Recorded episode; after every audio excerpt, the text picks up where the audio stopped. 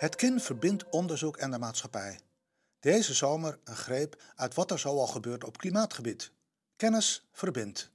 Vandaag in editie 6 zonnepanelen op het water.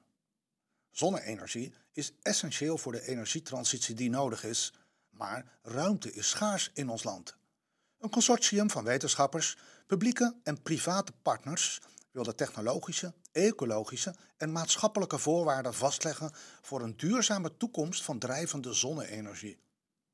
De natuur staat centraal in dit onderzoek, waarmee het consortium wil bijdragen aan integrale oplossingen waarbij meerdere problemen in onze leefomgeving gelijktijdig worden aangepakt.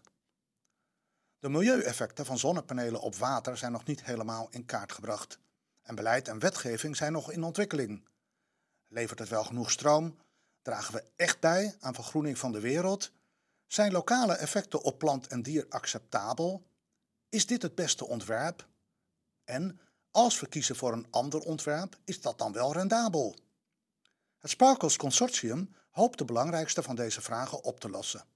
Energiewetenschap, ecologie en openbaar bestuur werken hiervoor met elkaar samen.